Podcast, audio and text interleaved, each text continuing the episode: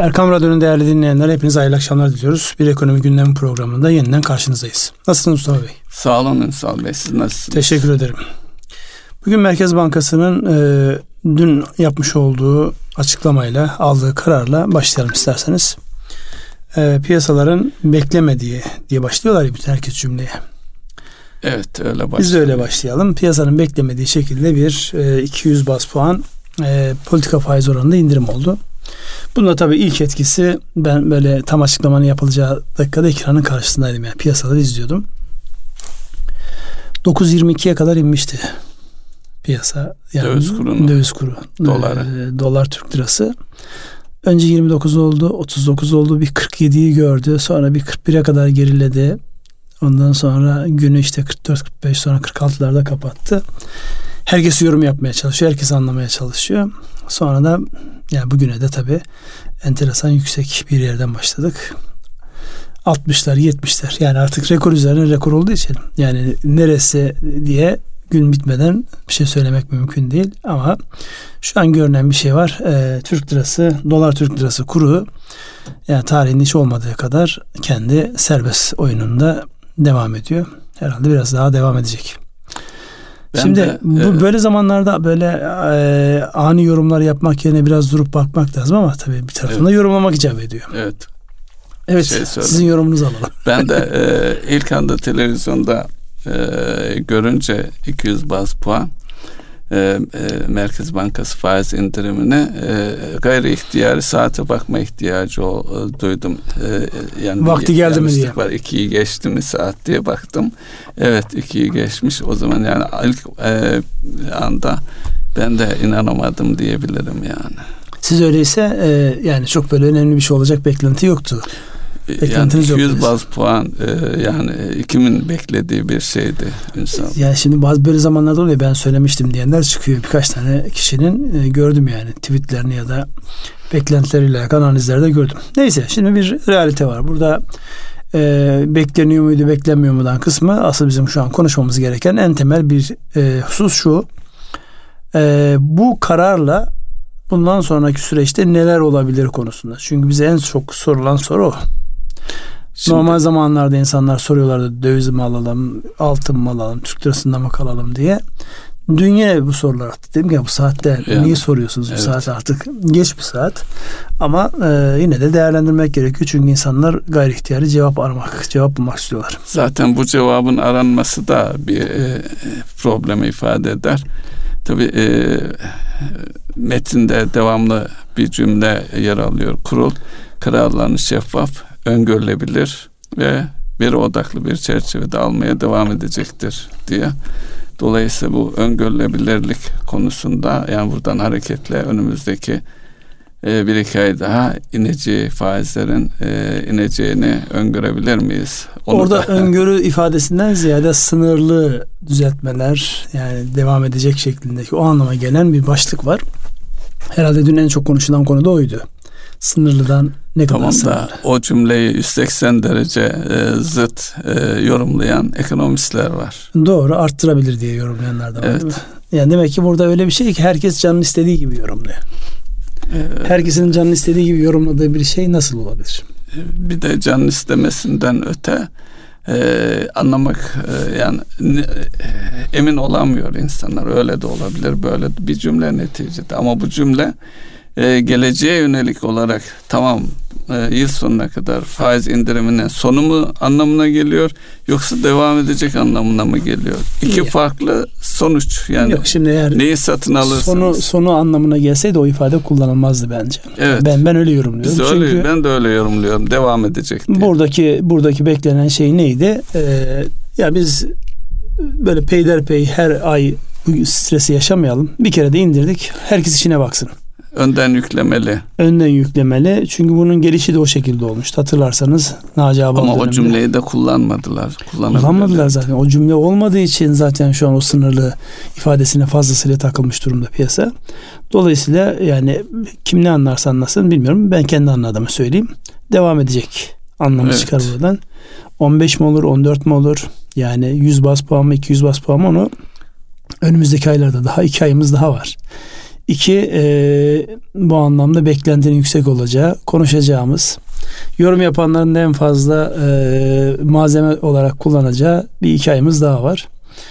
E, bu önemli bir başlık. Tabii dövizin bu kadar yukarı gidiyor olması getirdiği en temel yorum şu. Onu hem iş dünyasından insanlar o şekilde yorumladılar. Günlük ekonomi yorumlayanların bir kısmı da o şekilde yorumladı. Hükümet burada e, özellikle e, bir politika değişikliğine giderek enflasyonla mücadele yerine büyümeyi odak noktaya koyan, büyümeyi sağlayacak e, adımlar atıyor. Bunun da temelinde ihracata bağlı büyüme diye bir başlık. Bunun yani resmi olarak açıklanmadığı için bunu ancak yorumlarla evet. ortaya koyabiliriz. Yani enflasyonla mücadele konusunda biz vazgeçtik önümüzdeki işte şu kadar zamana kadar enflasyon birinci önceliğimiz değil gibi bir açıklama yapılmadığı sürece böyle net bir politika değişikliğinden bahsetmek mümkün değil. Ama çıkarımlar itibariyle baktığımızda kurun önünün açık olduğu yani açık olmasa ne olur? Elinde tek bir tane silah vardı. O da işlemiyor. Evet. Hatta çok ağır işliyor. Yani sürekli tehdit yiyorsun. Yani sadece faizle kuru e, dengede tutabilmek e, çok zor bir e, durum. E, kaldı ki son dönemlerde biliyorsunuz yabancılar hem e, hisse senedi tarafından hem e, devlet borçlanma kağıtlarından çıkıyorlar. Yani iki taraftan da çıkış devam ediyor. Dolayısıyla böyle olduğu bir ortamda sizin artık daha fazla faiz enstrümanıyla dövizi kontrol edemeyeceğiniz gün gibi ortada. Onun yerine döviz tarafının ucu açık bırakıldı. Bir anlamda yani piyasa bunu nereye götürürse oraya gitsin. Çünkü müdahale edecek zaten şeyiniz de yok sizin. İmkan Ekonomik yok. gücünüz de yok. Yani rezervlerin brütte evet 128 lira çıktı ama nette baktığımızda e, eksideyiz. Dolayısıyla orada bir müdahale olmayacağına göre böyle bir tercih yapıldı. Bunun e, faydası ne olur sorusunun cevabı bunun faydası şuraya olur. Eğer e, piyasadaki hem özel sektör hem kamu doğru algılayıp bunun bir büyüme politikası olduğuna kanaat getirirse yön o tarafa doğru dönebilir. Ama şu an e, dövizin e, geldiği nokta itibariyle can yakıyor. O bir e, gerçeklik. Peki bu faiz devam edeceğini varsayarsak bunun yansımalarını değerlendirsek Ünsal Bey. TL mevduat faizlerinde geriye gelme var. Ancak bunun hem bu kaynak tarafında e, değerlendirsek nereye varacak? Ancak fa, e, kredi faizleri tarafından bakıldığında e, söz konusu indirim e, sembolik olarak yansımış durumda şu anda. Yani son bir ay önceki e, faiz indirimine dikkate alarak hareket edersek bunda da belki benzer şey yaşanacaktır. Ama bunun yanı sıra da e, hazine bono faizlerinde de yükselme söz konusu. Sanki orada bir ters orantı işledi. Bunu nasıl yorumlamak lazım? Ya şimdi burada piyasanın e, yani şu anki beklentileriyle bir adım sonrasında beklenti gerçekliğe dönüşüyor. Merkez Bankası'nın ortaya koyduğuyla piyasanın beklentileri şu an e, çok paralel değil. Yani gerçeklikle ortaya konan duruş şu an paralellik arz etmiyor. Niye arz etmiyor? Çünkü Merkez Bankası'nın bu kararı aldığında insanlar şunu yapması beklenir belki. Merkez Bankası'nın elindeki veri seti sizin az önce okuduğunuz metinde de var ya öngörülebilirliği sağlıyor. Evet. Onun elindeki veriler gerçekten almış olduğu bu kararın e, doğruluğunu e, teyit eder mahiyette. Bize düşen de Merkez Bankası'nın bu elindeki verilerin henüz açık olarak bilmesek dahi doğruluğuna ve gücüne inanarak buna yönelik bir pozisyon alalım der. Ama demedi piyasa bunu. Evet. Yani e, dövizin zaten bir şekilde e, bu tip kararlarla nasıl tepki vereceği üç aşağı beş yukarı biliniyordu. Daha önceki kararlarda da oldu. Ama asıl e, özellikle mevduat faiz oranları düşüyor. Gerçekte düşüyor mu onu da önümüzdeki günlerde göreceğiz. Gene yani ne diyorlar e, masa altı uygulamalara geçebilir. Çünkü bir taraftan da e, likitte ihtiyacı olan bankalar olacaktır. Allah'tan evet. çok yoğun kredi talebinin olmadığı bir dönemdeyiz. Yani insanlar şu an kredi talep etmiyorlar. Evet. Bu oranlarla talep etmiyorlar. Yalnız orada şu var e, yani e, faiz indirimi merkez şeyde e, bankalarda olmasına rağmen bunun yanı sıra e, komisyon oranlarında bir artış var. Onu e, de, yani nasıl ifade edilir? Ee, Bankacılar işini bilir diye ifade edebiliriz. Bankacılar işini bilir diye ifade edebiliriz. Yani e, piyasada e, işte e, Merkez Bankası indirdi siz niye indirmiyorsunuz argümanla. Tamam buyur indiriyorum ancak e, şeyim e, benim komisyon oranım bu e, diye oradaki kaybı telafi edecek. Yani piyasanın e, arz talebe göre dengelenecek şeyini zorlarsanız farklı şeylere gider. Daha önce bankacılık hayatımızda da gördük. Mesela e, çekmecede tutulan teminat mektuplarından tutun da yani e, devletin kredi faizlerini belirlediği dönemde benim bankacılığa başladığım yüzde 52 fix bir faiz vardı. Ancak e, bankalar buna razı olmadığı için işte e, müşteriden fiktif işlemlerle komisyon alınırdı. Evet. Yine benzer şeyler bugün de yaşanıyor yani neticede. Ya da e, şey dengesine yani müşterinin istediği vadede değil daha kısa vadeli işlemlere ağırlık veriliyor bankalar açısından da. Yani ihtiyacı karşılıyor mu sorusunu da sormak lazım. Şimdi burada herkesin kendi menfaatini maksimum seviyeye çıkaracağını düşünürsek bu son derece normal bir hareket. Yani e, her tarafa sınırlama koyarak işte komisyon oranlarını sınırladınız. işte e, işlem miktarlarını işte alacakları işte kredi ise kar payı şey faiz öbür tarafta eğer katılım bankası ise kar payı oranları ne kadar sınırlarsanız sınırlan piyasanın bir gerçeği var. O gerçek bir şekilde kendini gösteriyor.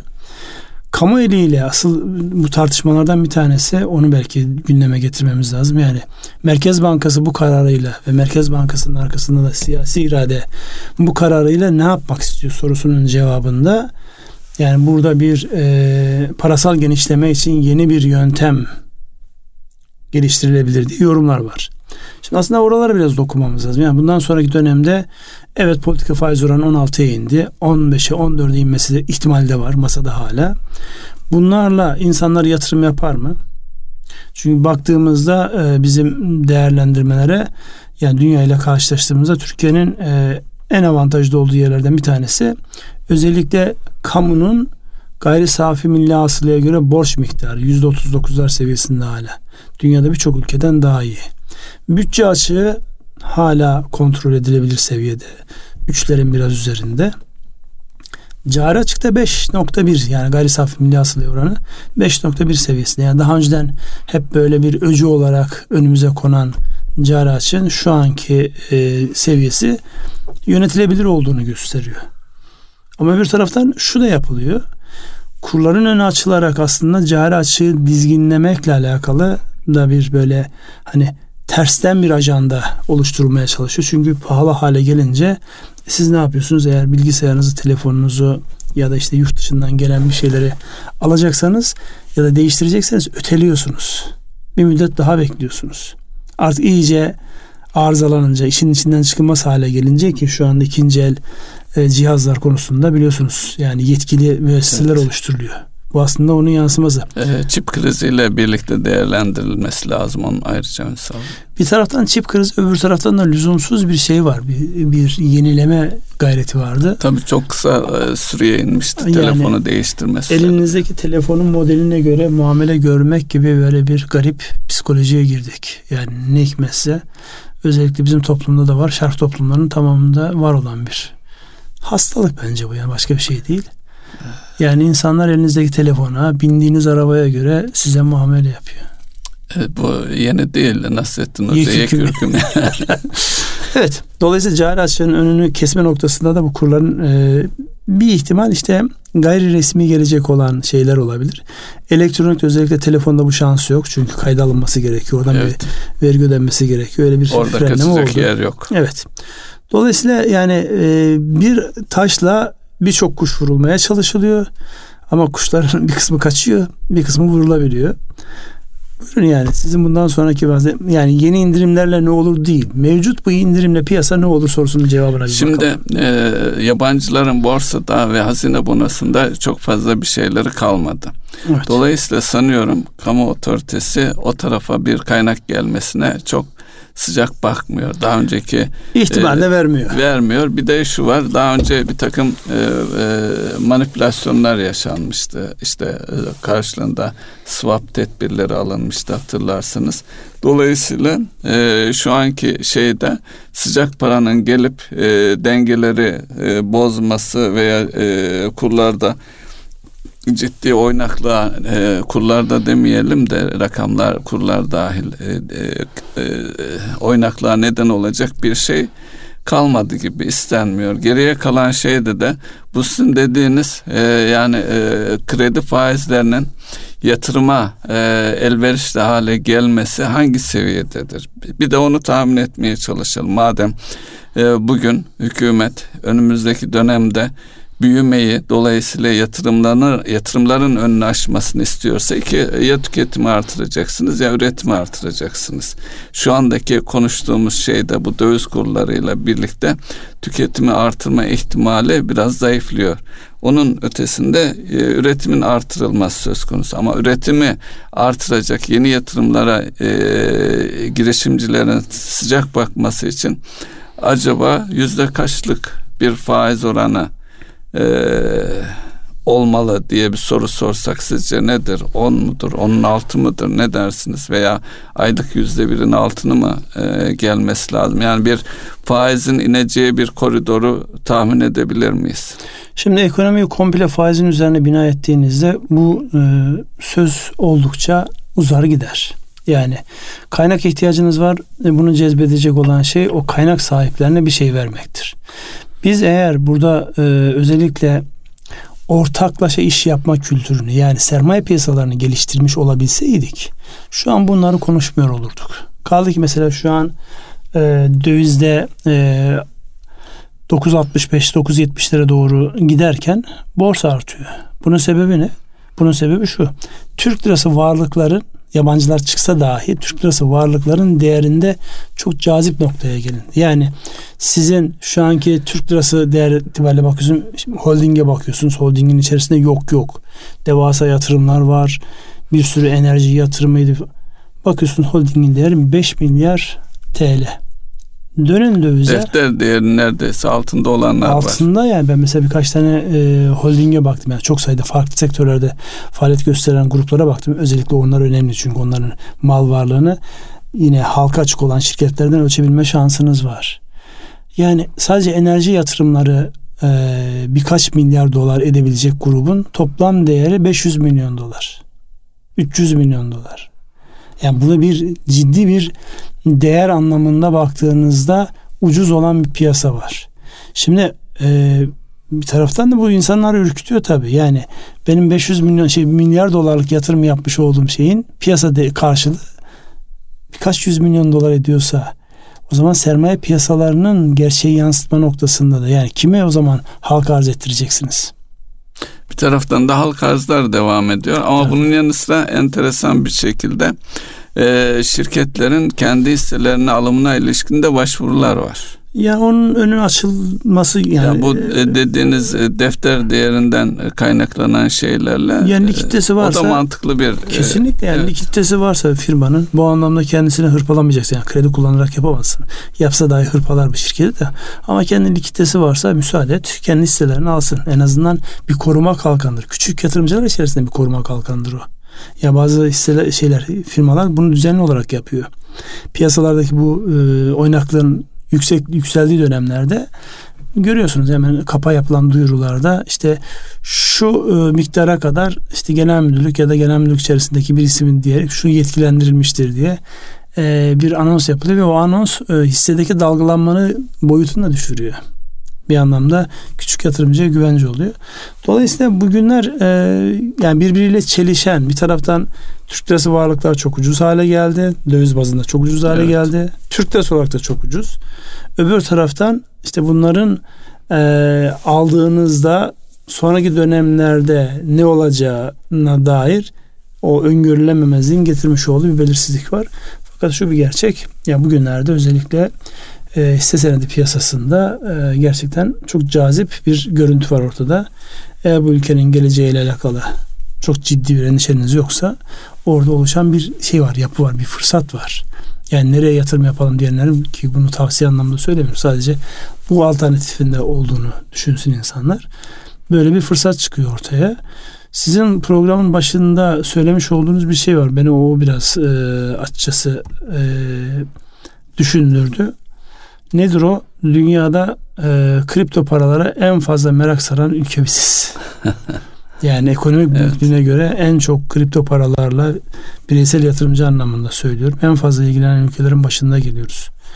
Yani bu enteresan bir durum. Yani burası karşılığında gerçek bir e, ekonomik aktivite de yok orada ve e, oradaki e, ekonomiden çekilen bir kaynak olarak görmek lazım. Öyle Çünkü zaten. hiç kimse kripto para üzerinden kredi vermiyor.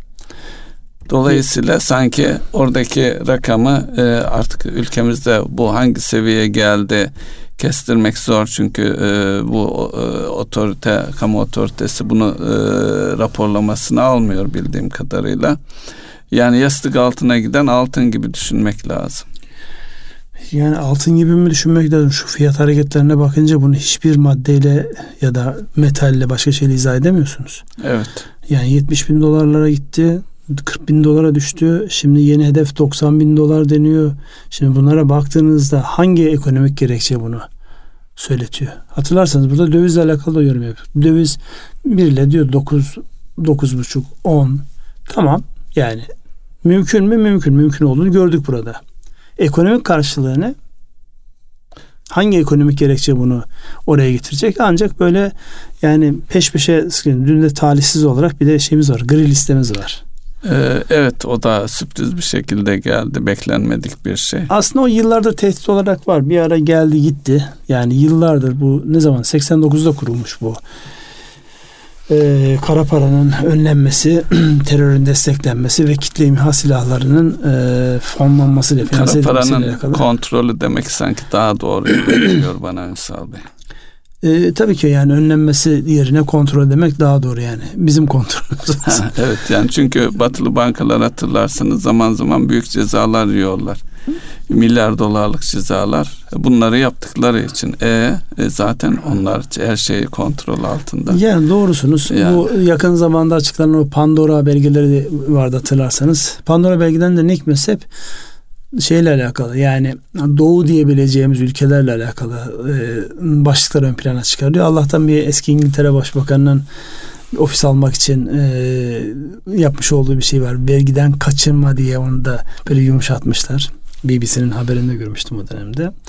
Dolayısıyla yani hep e, kendileri dışındakilerini işaret eden bir yapı evet. var. İşte yapılan dünkü açıklamada kim var baktığınızda Ürdün var. Pandora belgelerinde de en fazla Ürdün kralının adı geçmişti. Ondan sonra e, Mali var ve Türkiye var. Mali niye var?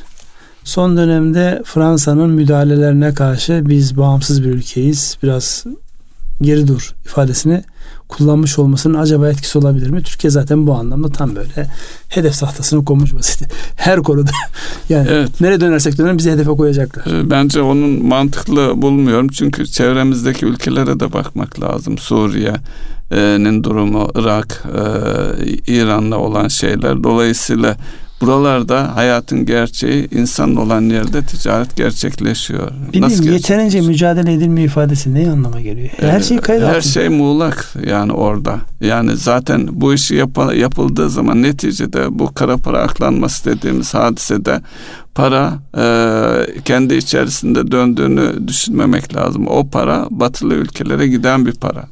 Ancak bu gidiş e, yolculuğunda ki bunun içerisinde de yani özellikle mesela Afganistan söz konusu olan nedir? Ee, şeyin Taliban'ın e, son 20 yıl içerisinde uyuşturucu e, yani afyon üretimi. E, bu nerede tüketiliyor diye sorduğunuz zaman bu batılı ülkelerde tüketiliyor. Amerika ve Batı Avrupa ülkeleri başta olmak üzere. E, bu neticede orada tüketildiğine göre nasıl oluyor da siz sadece e, ne bileyim Afganistan'a veya buralara yükleniyorsunuz. Bu aradaki ile, e, lojistik kendisinin e, bir lojistiğiyle ilgili bir yapı var. O yapının bir aca, bacağı da orada. Dolayısıyla ipin ucunu çektikleri zaman kolayca ulaşabilirler. Ama bu yapı sürdürülüyor bir taraftan da yani işte gizli servisler şeyler ama kara para söz konusu olduğunda yani e, paranızın üzerinden yüzde on, yüzde yirmi, yüzde otuz bir bedelle yapılan bir iş. Yani e, her banka için yani baştan çıkarıcı bir rakam olduğunda vurgulamakta yarar var. Tabi burada dikkat çekilen bazı sektörler var. O sektörlere siz eğer işaret ederseniz e, koca bir ülkenin bütün kurumlarını töhmet altında bırakırsınız. Yani buradaki listede bu e, mali görev gücü dedikleri e, organizasyonun Türkiye'de dikkat çektikleri yer neresi? İşte bankacılık sistemi, emlak e, piyasaları ya da emlak işleri, e, kıymetli madenler ve taş.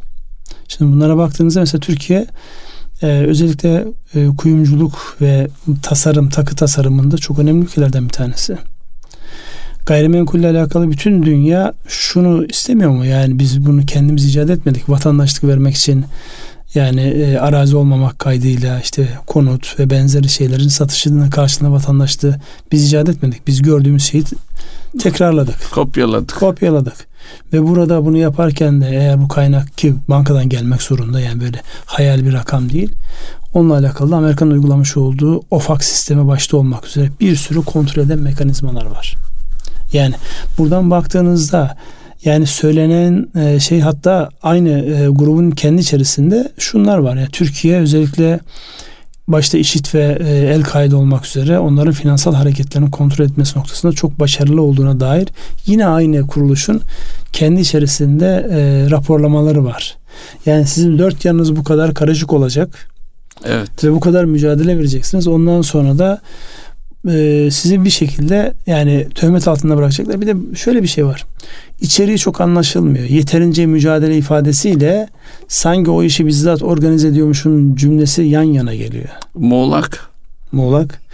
Ve biz bunu ilk kez yaşamıyoruz. Onu söylemekte fayda var. Yani bu kurum 1989'da kuruldu.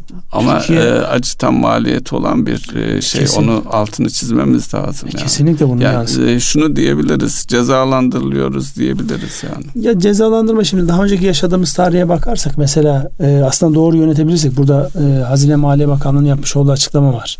Yani biz bununla gereken e, çalışmaları yapacağız. Bu algıyı değiştireceğiz şeklinde bir şey var. Tabi sorarlar niye şimdiye kadar buna ee, gereken yapmadın diye gereken orada belki bürokrasiyi sorgulamak lazım Ünsal. Ya işte yani. hızlı değiştiği için yani burada e, maalesef en az sorgulanan kısım orası. Yani normalde siz özel sektörde ya da işte finans sektöründe bir şey yaparken zarar sebep olsanız burnunuzdan fitil fitil getirirler. Ama kamuda böyle hani o birbirine bağlı memurlar birbirine iş üretir şey var ya kimden evet. kaynaklandığını bilmiyorsun. Ona adına bürokrasi deniyor biliyorsunuz. Evet. Şimdi burada 2011'de almışlar, 2014'te çıkmışız. 2011-2014 dönemi Türkiye açısından nasıl bir dönem? İç siyasetin çok böyle hareketlendiği, evet. içeriden dışarıya e, e Gezi Parkı'nın içinde olduğu dönem. Desteklerin verildiği bir dönemde biz o kara listenin içinde yer almışız. Ama 2014'te çıkmışız biz oradan. Yani tam iyice böyle içerideki o sürtüşmelerin üst seviyeye çıktığı ülkeye yeni bir format atılmaya çalıştığı dönem biz ondan çıkmışız. Bu dönemde de e, normalde girmememiz icap ederdi. Çünkü baktığınızda mali disiplin anlamında yani mali kuruluşların disiplini ve para hareketleri anlamında çok önemli mes- mesafe kat etmiş bir ülke. Türkiye. Panama belgelerinden sonra biz de imza atmıştık karşılıklı e, bankaların bilgi paylaşımına yönelik hatırlarsınız Ünsal Bey. Uygulamada başladı yıl başından itibaren yani geçerli şu anda ama e, sistem istiyor mu istemiyor mu bilmiyorum. Daha önce de söz konusu etmiştik özellikle Almanya'daki vatandaşlarımızın Türkiye'de olan yatırımları onların e, başına iş açabilir diye de konuşmuştuk yani. Bir takım tedbirler de alınmıyor değil. Şimdi bazen böyle bu tip konuşmalar olunca insanlar diyor ki ya yani amma abartıyorsunuz. Dünyada işte o ülkelerin başka işi derdi yok da Türkiye ile uğraşıyorlar. İşte geçen hafta konuştuk. 10 tane büyükelçinin yani bir kabile e, devletiymişiz gibi evet, bize kalkıp yapması. açıklama yapması, onu işte gereğini yap, yapın yani daha doğrusu bir beklentiye girerek devam etmekte olan bir yargılama sürecine müdahale ediyor. Yani beğenirsiniz ya da beğenmezsiniz. Burası bir yani e, demokrasi olan bir ülke. Dolayısıyla buradan yani bazı şeyleri yaparken bir pervasızlık var.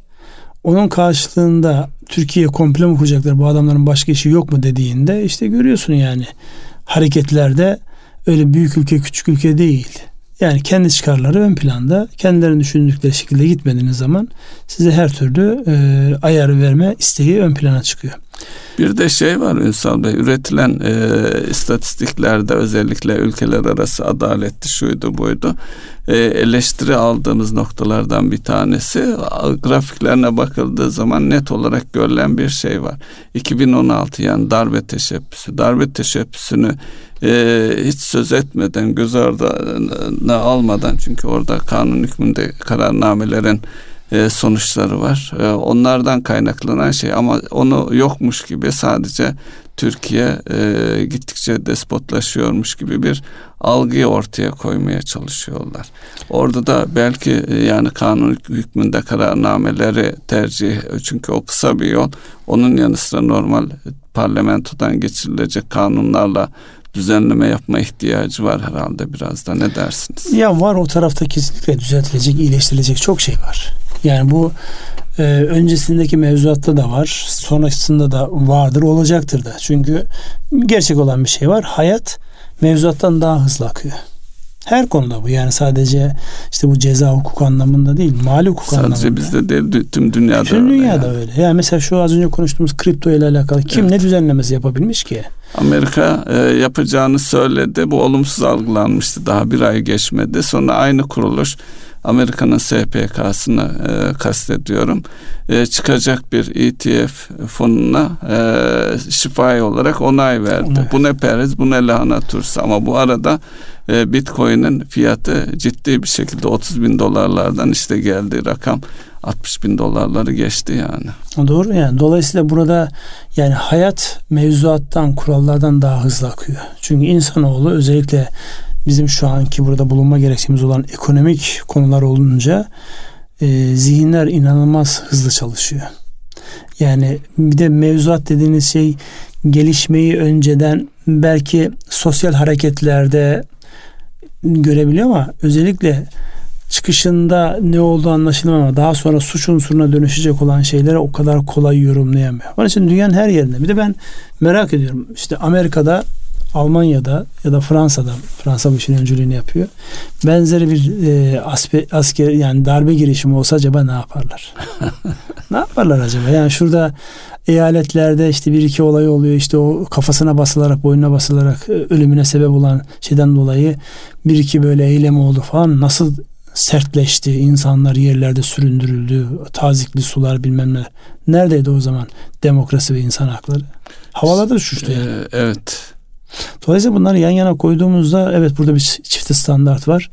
Fakat dönüp yani çifte standart uyguluyorlar diye bunların arkasına sığınamayız. Biz çalışmak zorundayız. Biz işletmelerimize, kurumlarımıza, adımlarımıza, her şeyimize dikkat etmek zorundayız. Yani şu anda en temel şeylerden bir tanesi geçen hafta biraz kıtlık ekonomisinden bahsetmiştik ama başından itibaren bizim en büyük şikayetimizin olması gereken nokta ısraf ekonomisi. Korkunç bir yani zamanımız boşa gidiyor, enerjimiz boşa gidiyor, kaynaklarımız boşa gidiyor. Birbirini taklit eden ama hiçbirisinin kar etmiyor. Bir iş karlı hale geldiği zaman herkes aynı işi yapmaya başlıyor. Hepsi bu sefer sıkıntıya giriyor. Gibi bir sürü uygulamalar var. Biz burada nasıl çıkarızla alakalı e, özellikle bizim e, ne derler akil kişiler diyebileceğimiz bilge kişilerimizin oturup bunlara çok ciddi kafa yoruyor olması lazım. Yoksa olaya sadece işletme karlılık açısından baktığınızda yani orası tamamen menfaat üzerine odaklı ve herkes kendi menfaatini maksimum seviyeye çıkarmak ister. Burada dediğiniz nokta hizmet sektörüyle üretim sektörünü belki ayrıştığını görmek lazım. Üretimi teşvik edecek e, ne bileyim e, daha önceki sanayi bölgeleri veya bu e, özellikle e, teknokentler onları sanki biraz daha yaygınlaştırma ihtiyacı var gibi duruyor Ünsal Bey. Çünkü e, yer bulunamıyor e, şeylerle mesela teknokentlerle bu pandemi nedeniyle bir sorun vardı. İşte e, yüzde elli seviyesinde fiilen e, teknokentlerde fiziken bulunma zorunlu. Onu uzattılar gerçi de artık yeni anlayışla çünkü artık siz e, istihdam edeceğiniz insanları hele hele e, eğer bir yazılım e, üreten bir şirketiniz varsa mekandan bağımsız olarak e, istihdam edebilmelisiniz. Şimdi burada tabii e, teknopark, teknokent konusunda çok önemli gelişmeler oldu Türkiye'de son yıllarda. Ve sonuçlarını da işte görüyoruz. Yani Pozitif farklı yönde görüyoruz. Tabii tabii. E, farklı sektörlerde iyi firmalar çıkardı. Bundan sonra da çıkaracak. Burada nedir? İşte e, başlangıçta bir sponsorluk sistemi ne benzer bir yapı olduğu için savunma sanayi bu anlamda çok öne çıktı ama onun haricinde çok farklı sektörlerde farklı firmalar çıkıyor. Bu sponsorluğu biraz açın Ünsal Bey. Çünkü savunma sanayideki o destek diğer sektörlerde de verilmiş olsa bir yolda çok daha hızlı gelişme olabilir. Şimdi aslında bunu birlikte yaşadığımız birkaç tane örneği var. Yani bu pandemi sürecinde özellikle insan sağlığı ile alakalı ortaya çıkan icatlar, yazılımlar ve donanımlar. Çünkü geçenlerde ben e, bir teknoparkı ziyaret ettiğimde teknoparkın başındaki arkadaşlar özellikle şu vurguyu yaptılar. Sadece yazılım yapan firmalar istemiyoruz. Burası yazılımı bir donanımla, bir icatla, bir alet edevatla yani faydalı bir ürünle beraber hayata geçirmektir bizim ana hedefimiz. Aksi takdirde yazılım için bu kadar büyük bir tesis kurmaya gerek yok. İnsanlar evlerinde oturup onu da yazabilirler. Yani üretmek anlamında bir şey var.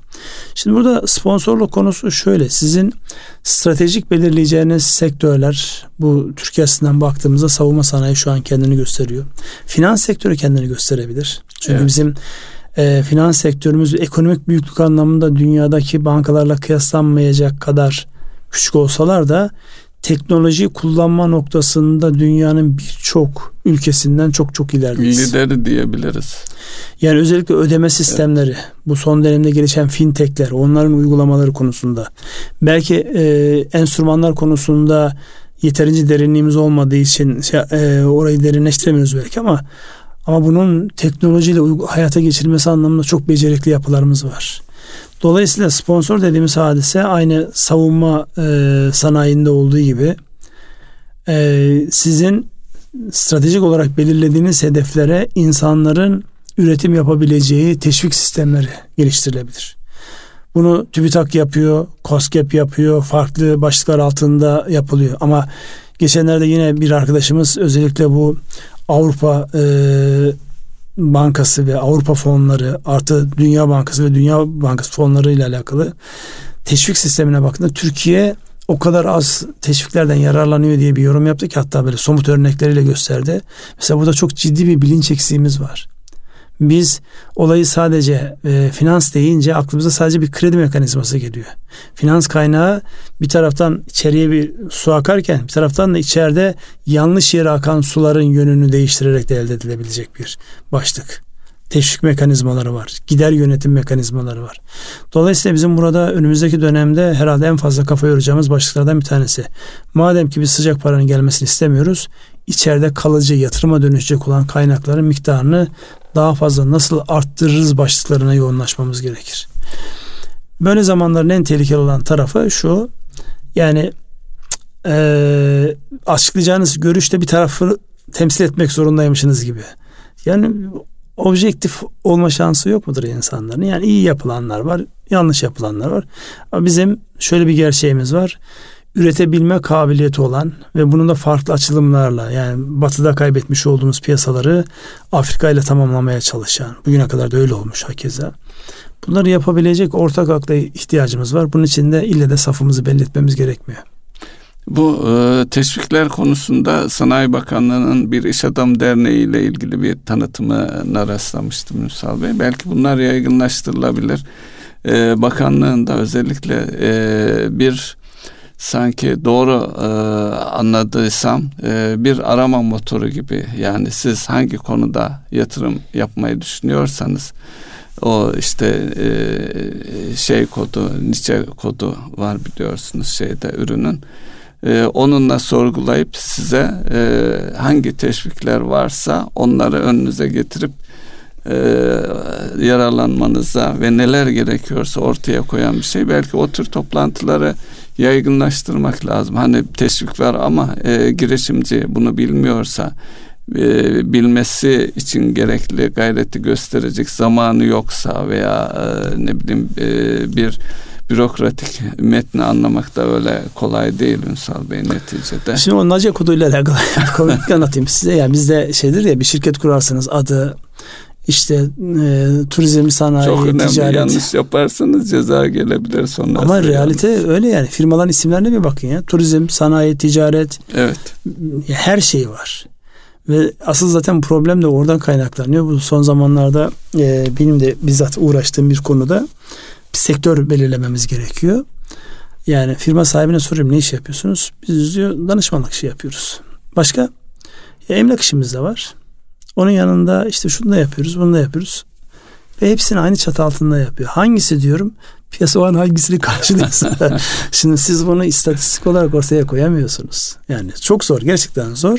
İşte oraya zorluyorlar. Yani şu an e, NACA koduyla beraber e, yapılmaya çalışılan bir tasnif ve anlamaya çalışmamış. Çünkü hani big data big data diyoruz ya büyük verinin toplanması. Ünsal Bey Allah aşkına bir şirket kurdunuz kurdunuz hadi kolay diyelim ondan kurtulmanın nedenli zor olduğunu biliyor musunuz? E, İnsanlar onu bildikleri için de bir şirket kuruyor hepsini koyuyor içerisine. Yani işte o zaman bakın ceza verenlerin oturup şunu düşünmesi lazım.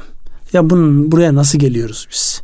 Şimdi şirketi açtığında bir problem yok. Kapatmak bu kadar zorsa ne yapıyor?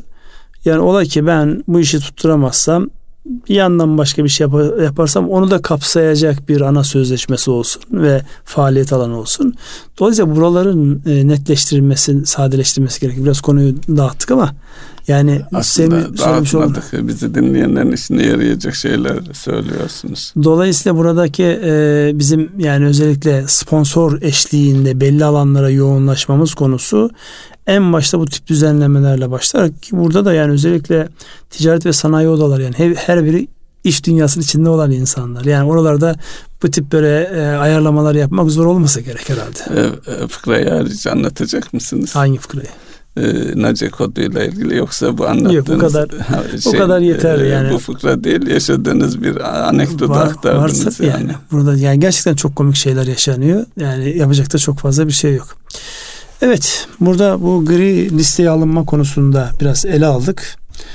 Ee, bugün beklenen bir başlık var. Yani o biraz şey, piyasalara e, girelim mi Ünsal Bey? Şimdi e, bu faiz oranının bu neden bu denli e, açıklanmasının bir nedeni de siyaset ekonomi ilişkisi muha, e, muhalefet liderinin Merkez Bankası Bankası Başkanı ile görüşmesi e, bu tarafta da siyasetin ekonomiye etkisi ve aradaki geçişkenlikle ilgili neler söyleyebilirsiniz? Yani bu alınan kararda çok böyle uzun uzun yorum yapmaya gerek yok. Ee, bunun tabii ki çok fazla oynamadan bunu kabul edip e, kabul et dön önüne bak yani. Ben ben burada yani acaba öyle mi olmuştur böyle mi olmuştur? Sonuç ortada.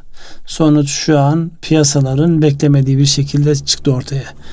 Ee, döviz 9 e, 69 70 bandında dolar Türk lirası ve devam eden bir hayat var, ticaret var. Siz geçen hafta e, ya da e, bu haftaya ötelemiş olduğunuz bir ithalatınız varsa bu aradan gelen yüzde dörtlük e, farkı nereye nasıl absorbe edebilirsiniz? Bunu nasıl yönetebilirsiniz? Yani hayatın gerçeği bu. Öbür taraf yani sebep nereden kaynaklandı, evet. misilleme mi oldu? İlk defa çünkü bir Merkez Bankası Başkanı hem iktidarla hem muhalefetle görüşüyor. O da çok enteresan bir şey. E bunun da e, tarihe not olarak düşmüş olabiliriz. Peki dünyayı konuşmadık Ünsal Bey. Dünyada da biz Türkiye'deki enflasyon, e, faiz, döviz kurunu konuştuk. Dünyada da şimdi e, açıklamalar bu enflasyonun pandemi kaynaklı olarak geçici olduğu vurgulanıyordu. Şimdi o geçici e, genellikle geçici olduğu vurgulanırken şimdi bir ayrışma var. Kalıcı olduğunu söyleyenlerin sayısı da artmaya başladı. Şimdi bu Batı ülkelerindeki enflasyonu ben e, yani bizimle karşılaştırdığımızda bizim enflasyonumuzun önemli bir kısmında uluslararası maliyetler ve kurda yaşamış olduğumuz bu e, ilave maliyetleri koyduğumuzda bizimki de onlarınki ayrışır. Onların böyle kur maliyeti diye bir dertleri yok. Paralar hala aynı para. Dolar dolar, euro euro. Dolayısıyla batılı gelişmiş ekonomilerle karşılaştırdığımızda oradaki enflasyona bizimkiyle karşılaştırarak geçici demeler normal. Ama geçici olmadığını görüyoruz. Çünkü özellikle petrol fiyatlarında e, yani bir iki gündür geriye gelse dahi artık 80 doların üzerine bir yere yerleşti. Yani orada üretim e, arttı, azaldı o tartışmalar devam edecektir ama bir realite var yerleşti. Ve bundan sonraki süreçte özellikle bu tedarik e, güvenliğinin getireceği sonuçlar var. Yine sizinle program öncesinde yani konu başlıklarına hangilerine değinelim derken hatırlayın konteyner fiyatlarını evet. ve gemilerin günlük kiralarının fiyatlarını. Evet. Özellikle kuru yük ve konteyner taşımacılığında kimyasal aynı tepkiyi vermemiş olsa dahi bu anlamda çok ciddi e, maliyetler geldi. Ve tedarik giderek zorlaşan bir unsur haline geldi. Çünkü bir sebebi de ülkeler kendi ihtiyaçlarını karşılamak adına ya da fiyatların daha yukarı gidecekleri düşüncesiyle e, bir stok stokçuluğa geçti. Tek istisnası geçtiğimiz dönemde panik bakırla, stokları. Evet, bakırla alakalı şeydi ama bakırla alakalı baktığımızda da şunu görüyoruz. Spot fiyatla vadeli fiyat arasında bin dolar fark var. Yani şu an bulamıyorsunuz, bakır bulamıyorsunuz. Fiziki teslimi bakır bulabilme şansınız yok. 3 ay sonrası için bin dolar daha aşağısında fiyat bulabiliyorsunuz sözleşme yapacaksınız. Ama bugün yani bin dolar daha fazla vermenize rağmen ihtiyacınız olan bakır tedarikini yapamıyorsun. Bu yüzdendir ki zaten dün piyasalar karıştığında şöyle bir baktım. E, portföyünde yani kasasında doları olan ya dövizi olan şirketlerle bu e, kıymetli madenlere bağlı iş yapan işte bakır olabilir, altın olabilir ve diğer şeyler olabilir. Onların hisseleri almış başını gitmiş yukarıya doğru. Evet. Ee, şeyde de faizlerle yani Batı ülkelerine baktığımız zaman Amerika e, örneğinde de faizler işte e, hazine e, fa, bono faizleri 1.50-1.60'lardayken enflasyon 5 seviyelerinde yani orada da e, negatif faiz döneminin yaşandığı söylenebilir. Yani biz de negatif faize geçmiş olduk bu son indirimle. Şimdi evet negatife geçtik ama negatifle baktığımız zaman mesela şu an e, önümde yani tablonun tamamı var. Mesela e, Japonya'nın bütçe açığı e, şeyin GDP'nin yani gayri safi yurt içi hasılanın %12.6'sı kadar e, açığı var ve hükümetin borcu üretmiş olduğu yurt içi hasılanın iki buçuk üç katı kadar borcu var. Dolayısıyla burada mesela Burada da eksiden bahsediyoruz. Yani Japon faiz oranı kaç şu an? Ee, eksi 0.1. Yani düşünün. Ekonominizin 3 katı kadar hükümetin borcu var. Bütçe açı veriyorsunuz. Her sene %12, %13 ve sizin uygulamış olduğunuz politika faiz oranı eksi sıfır bilmem kaç. Ya burada şeye baktığımızda aslında bu eksi e, cümlesinin tek başına bir anlamı yok o öngörülebilirliği sağlarsak eksi de verebiliriz. Hiç problem yok yani. Şöyle bir e, yukarıdan aşağı bakayım yani. Avrupa ülkeleri zaten birbirinin aynısı olduğu için. Mesela Çin'de ne? Enflasyon oranı kaç? E, enflasyon oranı 0.70 politika faiz oranı 3.85 şimdi bağlantı yok yani çok net bir şekilde Çin 3 puan şey veriyor fazla veriyor. Fazla veriyor. Yatırım alıyor mu? Evet yatırım alıyor. Eski kadar mı? Zannetmiyorum. Özellikle bu ticaret evet. savaşlarından dolayı eskisi kadar almıyordur. Dolayısıyla böyle çok enteresan örnekler var. Mesela Brezilya bizim bu anlamda karşılaştıracağımız yerlerden bir tanesi. Enflasyon oranı 10.25. Uygulamış olduğu politika faiz oranı kaç? 6.25. Evet. Kıyamet falan da kopmuyor evet. yani. Ama burada işte bunun psikolojisini iyi yönetmek icap eder. Yani bunu siz ekonomik gerekçelerle ya da şeylerle değil de izah edemezseniz ya da piyasa bu anlamda bunu ıı, kabullenmezse orada zorlanırsınız işte ya. ama ilk defa yaşadı, yaşayan ülke biz değiliz yani bize nereye benzetiyorlar? Rusya'yı benzetiyorlar. Brezilya'yı Ama benzetiyorlar. Bu yaşadığımız süreci daha önce biz yaşadık zaten ee, birkaç kere. Evet. En yaşadık. azından e, bizim hatırladığımız Rusya için mesela boyunca. onu da söyleyeyim. Enflasyonun 7.4 yıllık uygulanan politika faiz oranı 6.75. Yani bunu bir programda yine gündeme getirmiştik. Yani şu an işte enflasyon oranının altında politika faiz oranı uygulanıyor. Bu tek başına bir problem değil. Asıl bizim halletmemiz gereken müesseselerimize, ülkeye, ülkenin bundan sonraki sürecine nasıl e, tutunacağımız konusu.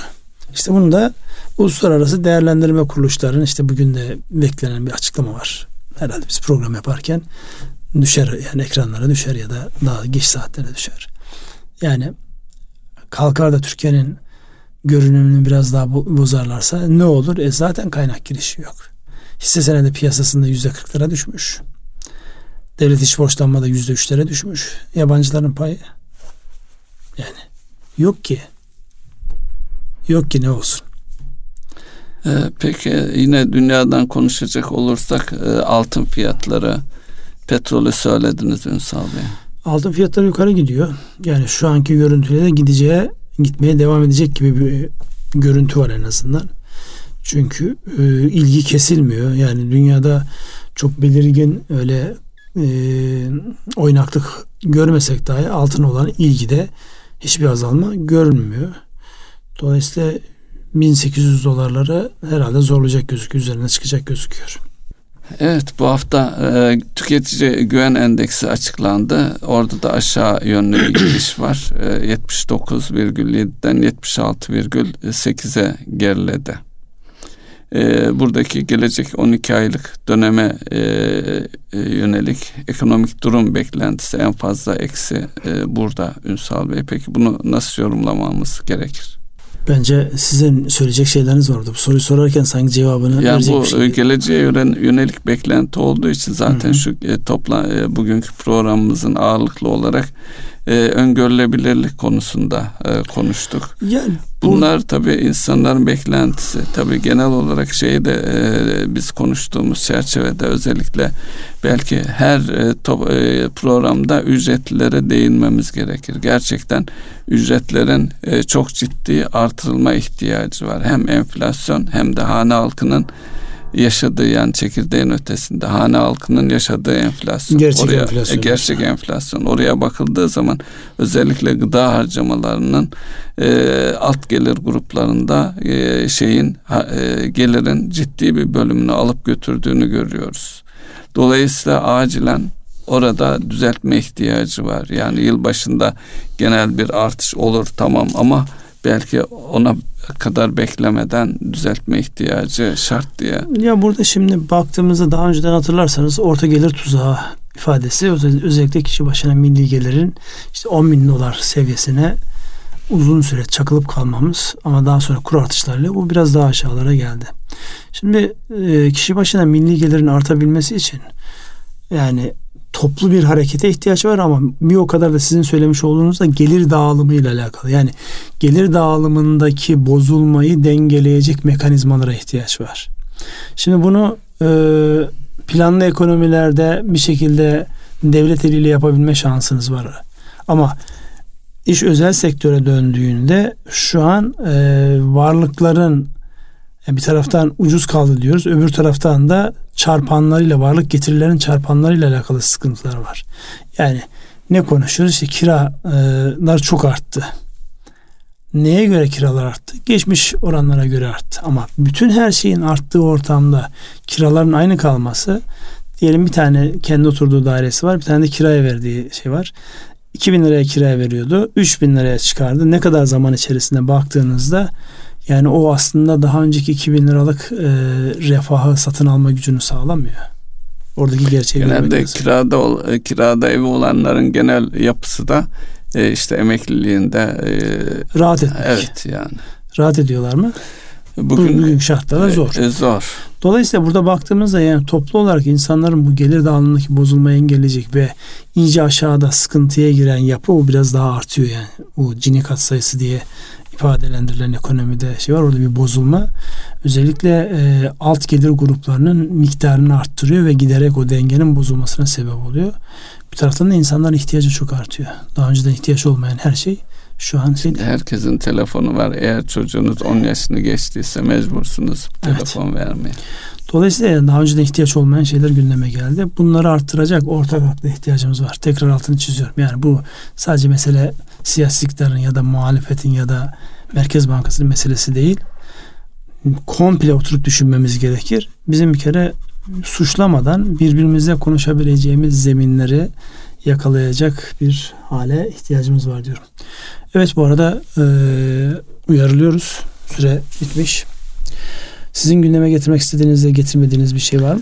Ee, genel olarak konuştuk. Mutlaka Bugün, liste uzun ama. E, bugün beni çok konuşturdunuz. Niye öyle oldu? E, nereden çıkardınız? Ölçme ben öyle bir hisse, ne kadar böyle, öyle bir hisse kapıldım. Neyse. O zaman bitirelim.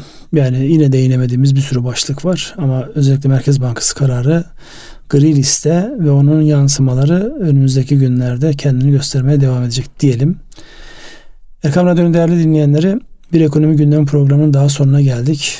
Dilimizin döndüğünce anlatmaya çalıştık. Sürçülisan olduysa affola. Hayırlı akşamlar. Hayırlı akşamlar.